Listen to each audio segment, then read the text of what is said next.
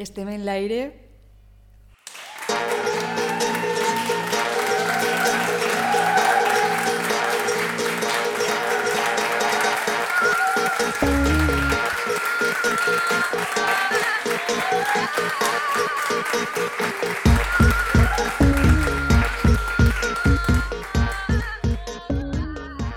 Hola, radioients. Benvingudes al primer programa de Safarets. Eh, volíem donar les gràcies a les dues persones que ens han fet arribar fins ací. Una és Rubén Rodríguez, que ens ha ajudat a tot el disseny de la imatge de marca, i l'altra persona és, està uh, en el so, ara mateixa, Guillermo Jorques, moltes gràcies per acompanyar-nos avui.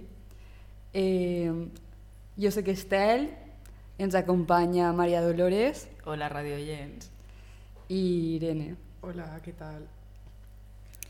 Realment eh, estem molt contentes d'estar avui així, però no hem pogut arribar fins ací sense tindre problemes de so. I encara estem tenint problemes de so, però ho estem arreglant per vosaltres. Bueno, com diuen els Manel, ens ha costat Déu i ajuda arribar fins ací. Eh, tot va començar una vesprada de borratxera, perquè n'hi ha toc de queda i no podem ser nits de borratxera, i que vam decidir fer un podcast, però la cosa mm, no anava ni cara a l'aire, no tirava, no tirava, i al final jo, que sóc una persona nespenta, Que sí, nena, que sí. vaig decidir, eh, vaig decidir juntar a Estel i a Maria Dolores perquè vaig pensar que potser podríem fer un bon trio. I això, bueno, ja ho jutjareu vosaltres. I un dia vam quedar a esmorzar i a partir d'ahir ja... Todo para arriba. Todo para arriba, Sí. todo para arriba. I, bueno, vam anar quedant, després van passar moltes peripècies, eh, molts problemes de so. N'hi ha un programa pilot que mai serà la llum, està tancat a pany i forrellat, per molts motius que no vos explicarem. Bueno, bàsicament per vergonya aliena. Ja està. I això és el principal. Ai. No vos anem a mentir. I que, bueno, que un podcast al final no pot ser una conversa Arreu. arreu. Sí, caòtica. unes parlant per damunt de les altres. I hem decidit posar-li de nom safarets. I ahí entra, ahí entra jo. I eh, el tema del safareig, com podeu veure que és, un, bueno, és una paraula que té um, un significat en moltíssima història i en, uh, i en moltíssimes connotacions positives, per supost, que fem nostres. I eh, va ser idea d'una bona amiga meva, amiga del podcast també, que és la meva amiga Jules, eh, em va llançar aquesta idea i ens va fer reflexionar molt i eh, ens vam adonar de la bona idea que era per, com us dic, aquestes connotacions tan positives que té, perquè, per a començar, quina és realment la definició del safareig, per a qui no ho conega? Doncs així tinc jo les definicions del Diccionari de, de l'Institut d'Estudis Catalans que ens parla d'un receptacle generalment de parets d'obra i de forma rectangular, que s'omple d'aigua i serveix or- ordinàriament per a rentar-hi la roba o per a regar. Omplir, buidar el safareig és una cosa que podríem dir. També ens parla d'una petita cambra en una casa, generalment prop de la cuina, on és instal·lat o construït el safareig. També podria significar, mm, el, eh, bé, podria ser un sinònim de bassa, i ja també ens, finalment ens parla d'una locució que és la de fer safareig. I és així on en, nosaltres ens aproparíem una miqueta més, que seria el fet d'haver-hi xafarderies, enraonies o comentar alguna cosa públicament. Cada territori genera experiències de vida diverses, les quals apareixen reflectides en el paisatge i el patrimoni imprimint la identitat de cada lloc.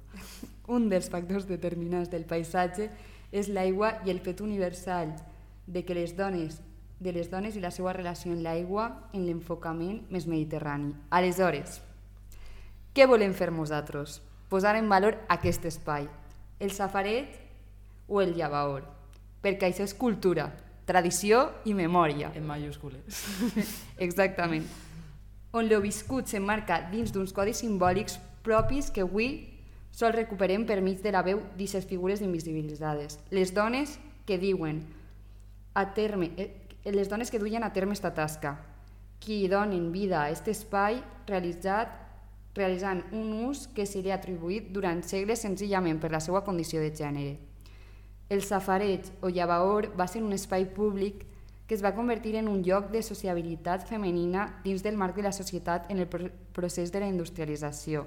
Al País Valencià, l'aparició dels llavaors pot centrar-se en el passat terç del segle XIX, generalitzant-se durant els primers anys del segle XX. Per la seva instal·lació era important que estiguera situat prop d'una bassa o d'una sèquia. Per a portar-vos una definició més propera, més d'anar per casa, podríem dir, sobre què són aquests llavaors o safarejos, què impliquen, eh, vos portem dos relats orals eh, que venen directament de familiars i per tant amigues també del podcast com són Mauela, Pepi Maíques i la tia d'Irene, eh, Maria José. I uh, res, així vos els deixem que de veritat això és un regal per a les oïdes. Que hi havia un poc de lloc i el posàvem. I a l'una es feia per casa i l'altra per allà i el deixàvem més lloc. I si no, estàvem més amples per a fregar més els llençols i els pantalons. I allí, en el llavor, des de front, a voltes, ensabonant, ensabonant, el que havia la, la pastilla de sabó, el que havia vist de llavors. Mm. I entonces què fem? Eh? Pues a la casa que havia de front anàvem a per una fal que feien el bo. Ah, ostres. I entonces punxàvem, jo em posava damunt de la llosa i punxàvem tant, tant, tant, a veure per, per mos havia caigut, mm. hasta que el punxaves i el tres i a voltes no podies. Mm -hmm. A voltes no podies. Perquè se n'havia anat més lluny, més al mig de llavor, i ja no podies reparar. I aquella de d'enfront, xica, com estàs? L'altra d'allà, sabeu el que ha passat? Mira aquell viudor s'ha posat a festejar en aquella matxutxa. Aquests nòvios s'han barallat, que s'hi diuen barallat, no diuen renyit. Esta, esta setmana que bonic ha sigut la pel·lícula de cine. Ha sigut un drama, eh? Alma rebelde. Mm -hmm. I eh, està gravant-se? Sí, sí, sí, està gravant-se. Ai, senyor. Una diria l'altra que portava la roba molt runosa, que no era seà, de tot. Ai, mare, s'ho dient tota la cara. A sí, voltes, sí. hasta s'agarraven del moño. Ai, mare. Que s'aparaven molt. Ai, mare. I com, com venia. Després, també dient, fulana, fulano l'han vist entrar a les 3 de la nit i el gita això. Ai, mare. Això, tot això és afarejant. Sí, sí, sí. Mare. Altre, altres dies. Jo m'han dit que en tal carrer és una marmota. Que era en Ai, un llençol. Era. Ai. Tapat, tapat sí, sí, sí. perquè no el conegueren. I com l'home estava en França, anava i estava en ella. Clar. L'home estava en França perquè per xiquets havia pocs diners per donar-los a mitjana. Doncs mm. d'una manera o altra guanyava. Comprens? Mm -hmm. De baix. Clar. Era de, eren homes més capritxosos i, i rics. Rics, que tenien terres i tenien diners. Hi havia un altre que anava perquè la dona sempre estava en missa i com era tan rebeata, pues tampoc volia molta cosa en ell quitar. Ja, ja, ja. I claro, l'home pues, era jove i volia l'altre. Mm -hmm. Però aquella estava ferratitzant el retorn i tot lo de iglesia que no va haver. Ja. el, dic, el dic totes les veritats, eh? Claro, perquè s'enjuntaven sis o set dones a llevar i era la comidilla del dia, això. Sí, portaven un llibrell en la roba bruta i després el limpiaven el llibrell i aprofitaven per a posar la, la límpia. I se l'emportaven després de llevar, la de color les tenien pues, on podien, sobre brossa verda ben límpia, perquè se secara, i la blanca la feien en sabó de, d'este de, de sosa càustica, sabó de casa, i posaven, la posaven al sol per a que la blanquejara. I quan ja estava ben blanqueta, quasi sequeta del tot, entonces la tornaven a rentar, la tornaven a llevar i ja se l'emportaven a casa.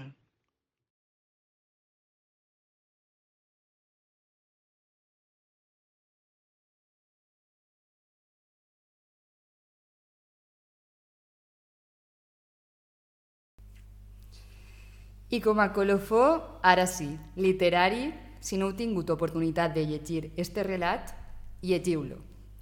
Acudim a les rondalles d'Enric Valor. Supose que coneixereu esta il·lustre figura, però per si no fora el cas, he de dir que va ser un narrador i gramàtic de Castalla, comarca de l'Alcoyà, i va ser un dels principals promotors de l'estandardització i la normali... normativització del valencià. I ja no us diré res més. No és per ser així, però llegiu-vos la Viquipèdia, radiollents. I probablement el nostre safareig més famós de la rondallisca valenciana es tracta del llavaor de Pena, Penàguila, on s'ambienta el cas gros i esgarrifador. Aquest és un tastet només de i qui saleix també, que vos aconsella que vos llegiu tot sencer, si no ho heu fet encara. Això va anar i era un cas que va passar en la vila de Penàguila. Un cas gros i esgarrifador, per cert. Cal dir-vos de bestreta que aquesta vila és un racó de món. Un vell racó, això sí, enmig d'intrincades, ombrienques i encinglerades muntanyes. De vora el poble, davall hi ha una costera vorejada d'oms gegantins i frondosos, i al capdavall hi ha una font abundantíssima, que trona per els seus vint-i-tants canontets de bronze. I el llevador, on les dones fan la bugada, de dia hi ha grans rastres de dones llevant, però les nits, d'ençà que ve la tardor, soledat i misteri, sols la remor de l'aigua i l'udol del vent en els oms de la baixada. No aneu de nit a llevar a la font, aconsellen les mares a les filles, perquè una volta, quan era joveneta, una nit de desembre que hi havia més d'un pam de neu gelada i relliscosa, Toneta, la de les alcoies, no va creure sa mare i va voler anar-hi a rentar una flaçada lluny en sol. Això que, malgrat l'encontre amb el diabòlic criançó, va seguir la, coster, la costera avall i arribar a la vora de la font. Un altre esmortit fanal d'oli enllumenava els safarets. Ella s'hi va posar a llevar de pressa, la... de pressa de pressa, tota temerosa, però dominant-se la por. I de sobte, sense haver-la sentit arribar abans, va veure al seu costat una dona endolada, alta, flaca, molt flaca, que es va posar a plorar furiosament. Duia al cap un negre mocador, molt caigut a la cara. Els seus vestits eren vells i espantolats, i llevava en silenci, vinga que vinga, sense, sense girar-se. Bueno, vaya història, eh? en fi, Xulíssima. Això és identitat de poble. esta, té el, la... Bueno, és que és com parcialment relat de terror. Això Sí. Sí. A mi m'encanten els relats de terror. Per a vostra informació. Ara ja ho sabem. Algun referent o Jo sí que a recomanar? A mi m'encanta Edgar Allan Poe. Poe. Ho sabia! Jo tinc un referent molt més local, que són l'edició de bromera de històries de por. Ai, m'encanta, la vaig llegir a l'institut, És m'encanta. que la millor lectura, Sí. de veritat, professores i professors de València. Poseu, poseu aquesta lectura obligatòria, és que no vos penedireu per res. És una passada de llibre total. I a més, les il·lustracions més esgarrifoses que jo, que jo he vist mai, de veritat. Bueno, fet este incís, també, important també. El, la, el tema del safareig a nosaltres ens interessa també, a més de per reivindicar tot aquest component eh, tradicionalment femení que cal reinterpretar i que cal mm, bueno, tornar a portar a la taula bàsicament eh, ens agrada també perquè mm, la, demostra que la conversa és com la- l'element principal de la sociabilització i eh, és que ara mig lo de la conversa no és cosa, no és cosa menor, és, És que cosa és major. És cosa major. Perquè és a partir de la... Bueno, la nostra tesi és que la conversa és una cosa molt més transcendental o més, més important del que podria considerar-se en, en un primer lloc. I um, a part, arrel d'això, a mi em va vindre a la ment un, uh, un fragment de l'escriptora Úrsula K. Le Guin, meravellosa periodista, escritora i tot el que va fer és meravellós, que bàsicament ella va escriure un article que es diu Telling is Listening, eh, la qual cosa vol dir eh, contar és escoltar, on ella explica quina és la seva teoria sobre la comunicació, que seria equivalent a el sexe de les amebes. I pot semblar una idea molt rara, però la veritat és que així ens explica ella que una bona conversa o una bona comunicació és un intercanvi ple, quasi corporal, on cadascú dona una part de si mateix, perquè eh, de què tracta el sexe de les amebes o una conversa? La conversa és una cosa intersubjectiva. I això què vol dir? Que no és, una, no és un alternament mecànic, no, no és que siguem parlants i després passem a ser escoltadors. Um, la, intersubjecti la intersubjectivitat, i sa paraula, significa Molt que... difícil. Molt difícil, molt moltes difícil. síl·labes. Tracta de que mm, aquest parlar i aquest escoltar és mutu, és simultani. És un intercanvi continu entre dues consciències. I no, no és cap relació entre un subjecte actiu i un objecte passiu, sinó una contínua intersubjectivitat que va en dues direccions tot el temps. I això que vol, com pot relacionar-se amb el sexe de les amebes, la forma de reproduir-se? Doncs Úrsula K. Le Guin ens diu que seria un model d'intersubjectivitat. Normalment, les amebes es reprodueixen soltant un trosset de si mateixes, el qual germina i significa que aquesta s'ha dividit en dues. Però de vegades hi ha indicadors que un intercanvi genètic podria millorar les condicions de la població local. Així que dues d'elles es posen d'acord i es junten. Literalment. S'apropen l'una a l'altra i mesclen la seua pseudopodia, que això també és una catxó de paraula, que significa una... mm, projecten les cèl·lules eucariotes per mitjà d'un tub o un canal que les connecta. D'aquesta forma, la meva A i la meva B intercanvien informació genètica. Es donen una a l'altra trosseig dels seus cossos per eixa via, per eixe tubet, que està fet de, diguem-ne, trossets exteriors seus. I així passen una estona, enviant-se trossets l'una de l'altra, eh, l'una de l'altra d'anada i tornada. I um, ixa, ixe, bé, ixa relació sexual, ixa forma de reproducció és una manera similar, segons Caleguin, a com les persones ens unim, ens relacionem entre nosaltres. Ens donem, ens donem les unes a les altres. Hi ha un intercanvi quasi corporal. Per això formen, podria ser una comunitat de dos, bueno, de moltes en el cas dels safaris, no? a través de la qual enviem i rebem trossets de nosaltres mateixos a través de parlar i escoltar. I per això parlar i escoltar no serien una acció activa i una acció passiva, sinó que les dues accions són simultànies. Es, es dona tot una... Diguem-ne que tota aquesta acció, com he parlat abans de la intersubjectivitat, és plenament activa. I, i bé, és l'intercanvi, bàsicament, més, més bonic que n'hi ha. O què penseu vosaltres d'això? Vos agrada la teoria del sexe de les amebes? A mi m'encanta. És una imatge xula. Me pareix superbonica, la veritat. O sigui, estic molt d'acord en ella. Sí, sí, o sigui, mentalment com que la imatge, no sé, és molt guai, la veritat. És molt literària també. No sé, és com que és una imatge molt... I, i no només té Simpàtica. que veure en... Ha de veure. Sí. Té, eh, seria només té a veure, no? Té a veure Clar. en... O sigui, la comunicació és també part de les relacions humanes. O sigui, això té molt a veure... Bona sort allà, però... No passa res. A veure, i jo també volia dir respecte a això que, bueno, té que veure, però no té que veure, Té a veure. té a veure, perdó, té a veure, que realment en una conversa sempre no tenim una, un paper actiu, és a dir, no parlem sempre el que estàvem parlant abans, realment. Mm.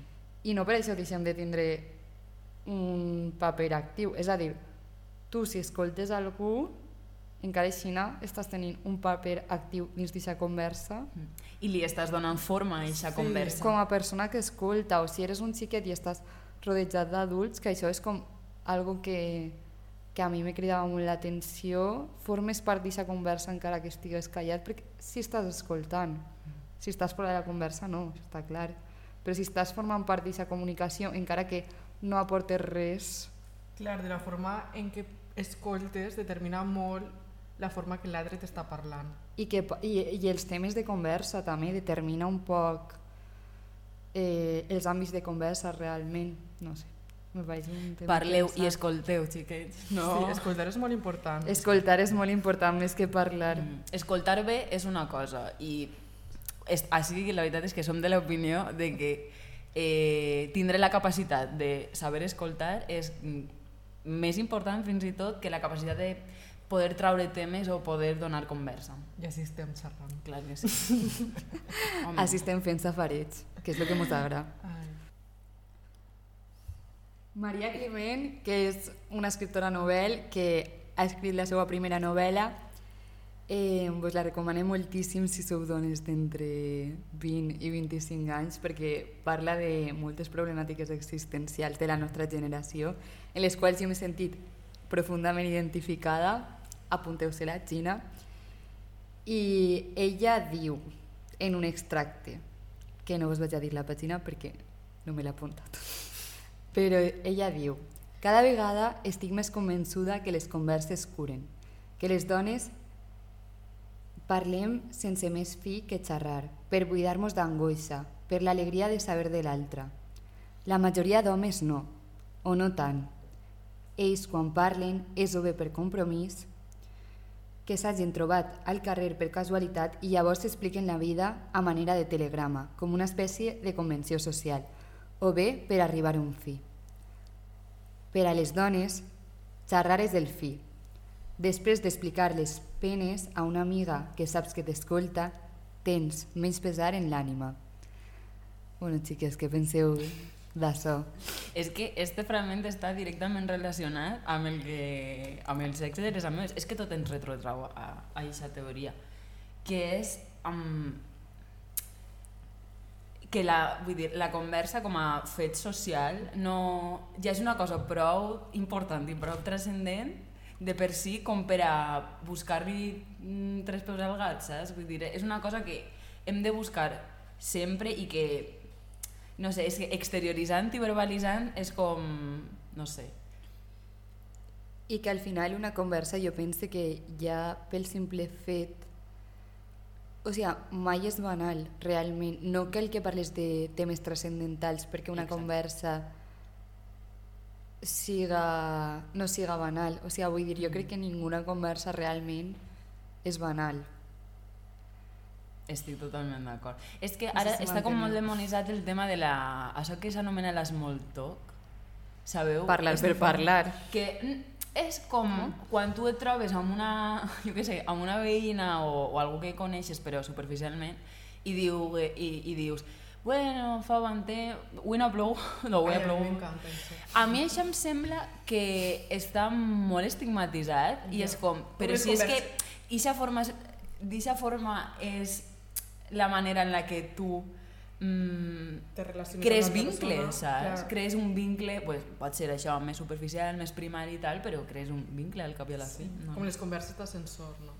Sí, és que hi ha gent que ho, se, a veure, que jo tampoc, no sé, mm, entenc que no és la interacció social última, però crec que és una, ba no sé, és una base que s'ha de conrear, que, que se li ha de donar la importància que té també, no sé.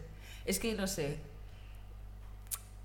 si hem vingut així és perquè xerrar és la, és, és la cosa més important que existeix. I, i este primer capítol és que anava una miqueta dedicat a, a, jo, a jo ara això.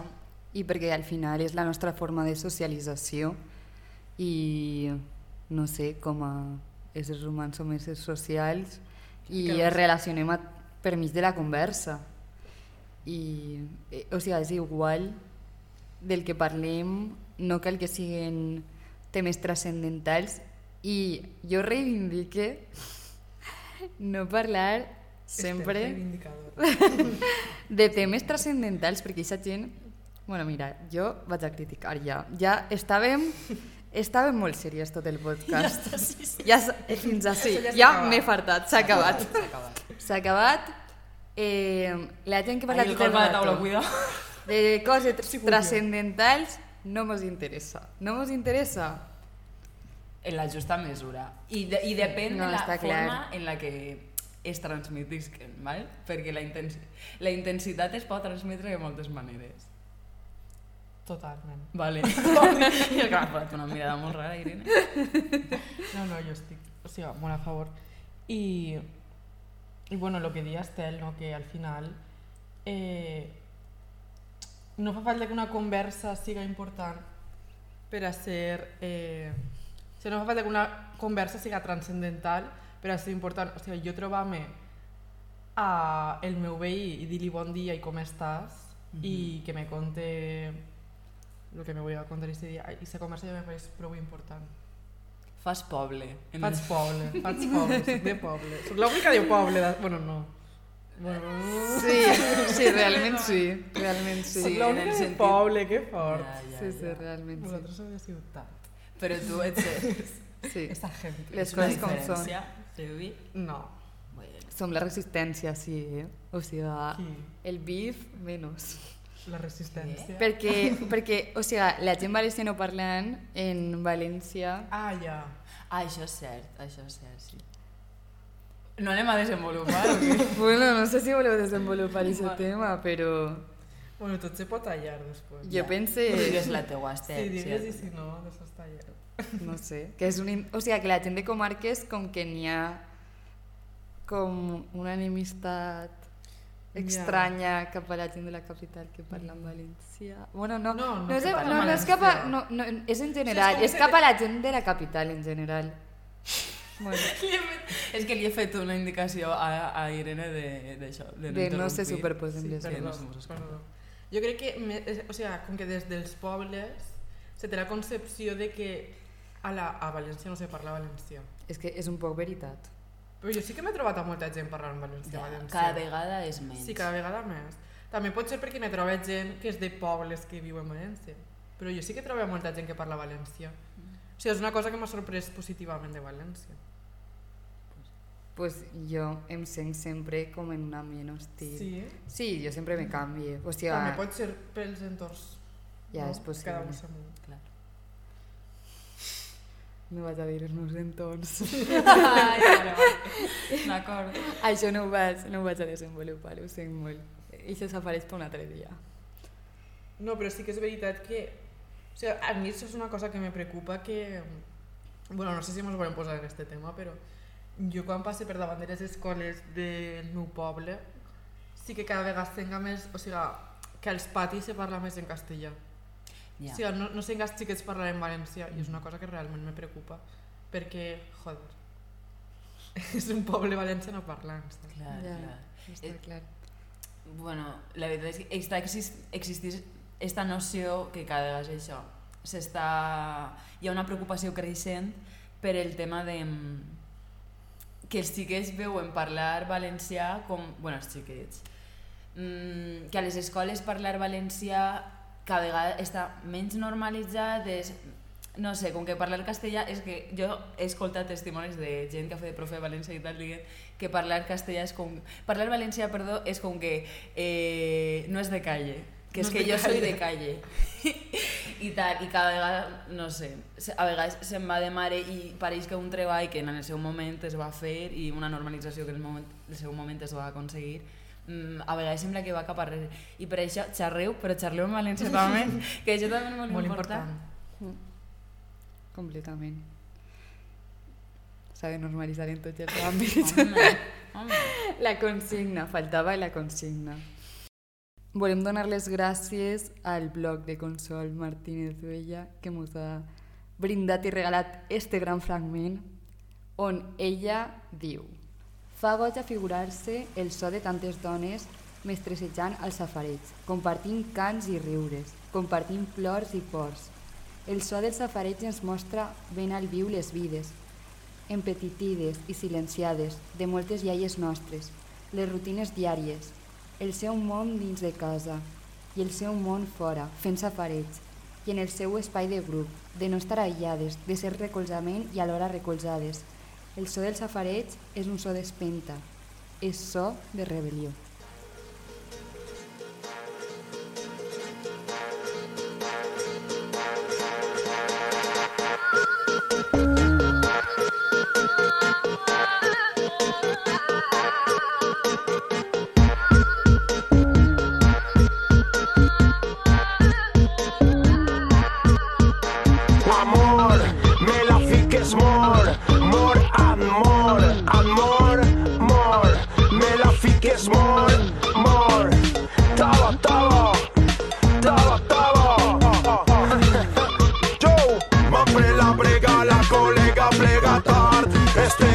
que tenga me partís per la mitad. Jamelga aus de giri entre carts, ton de terreno, ya te tinc atat. Guaratxa per rotxa, xiringuito platja, la pujanga que la xona ratxa. No sigues estreta, la vida t'apreta.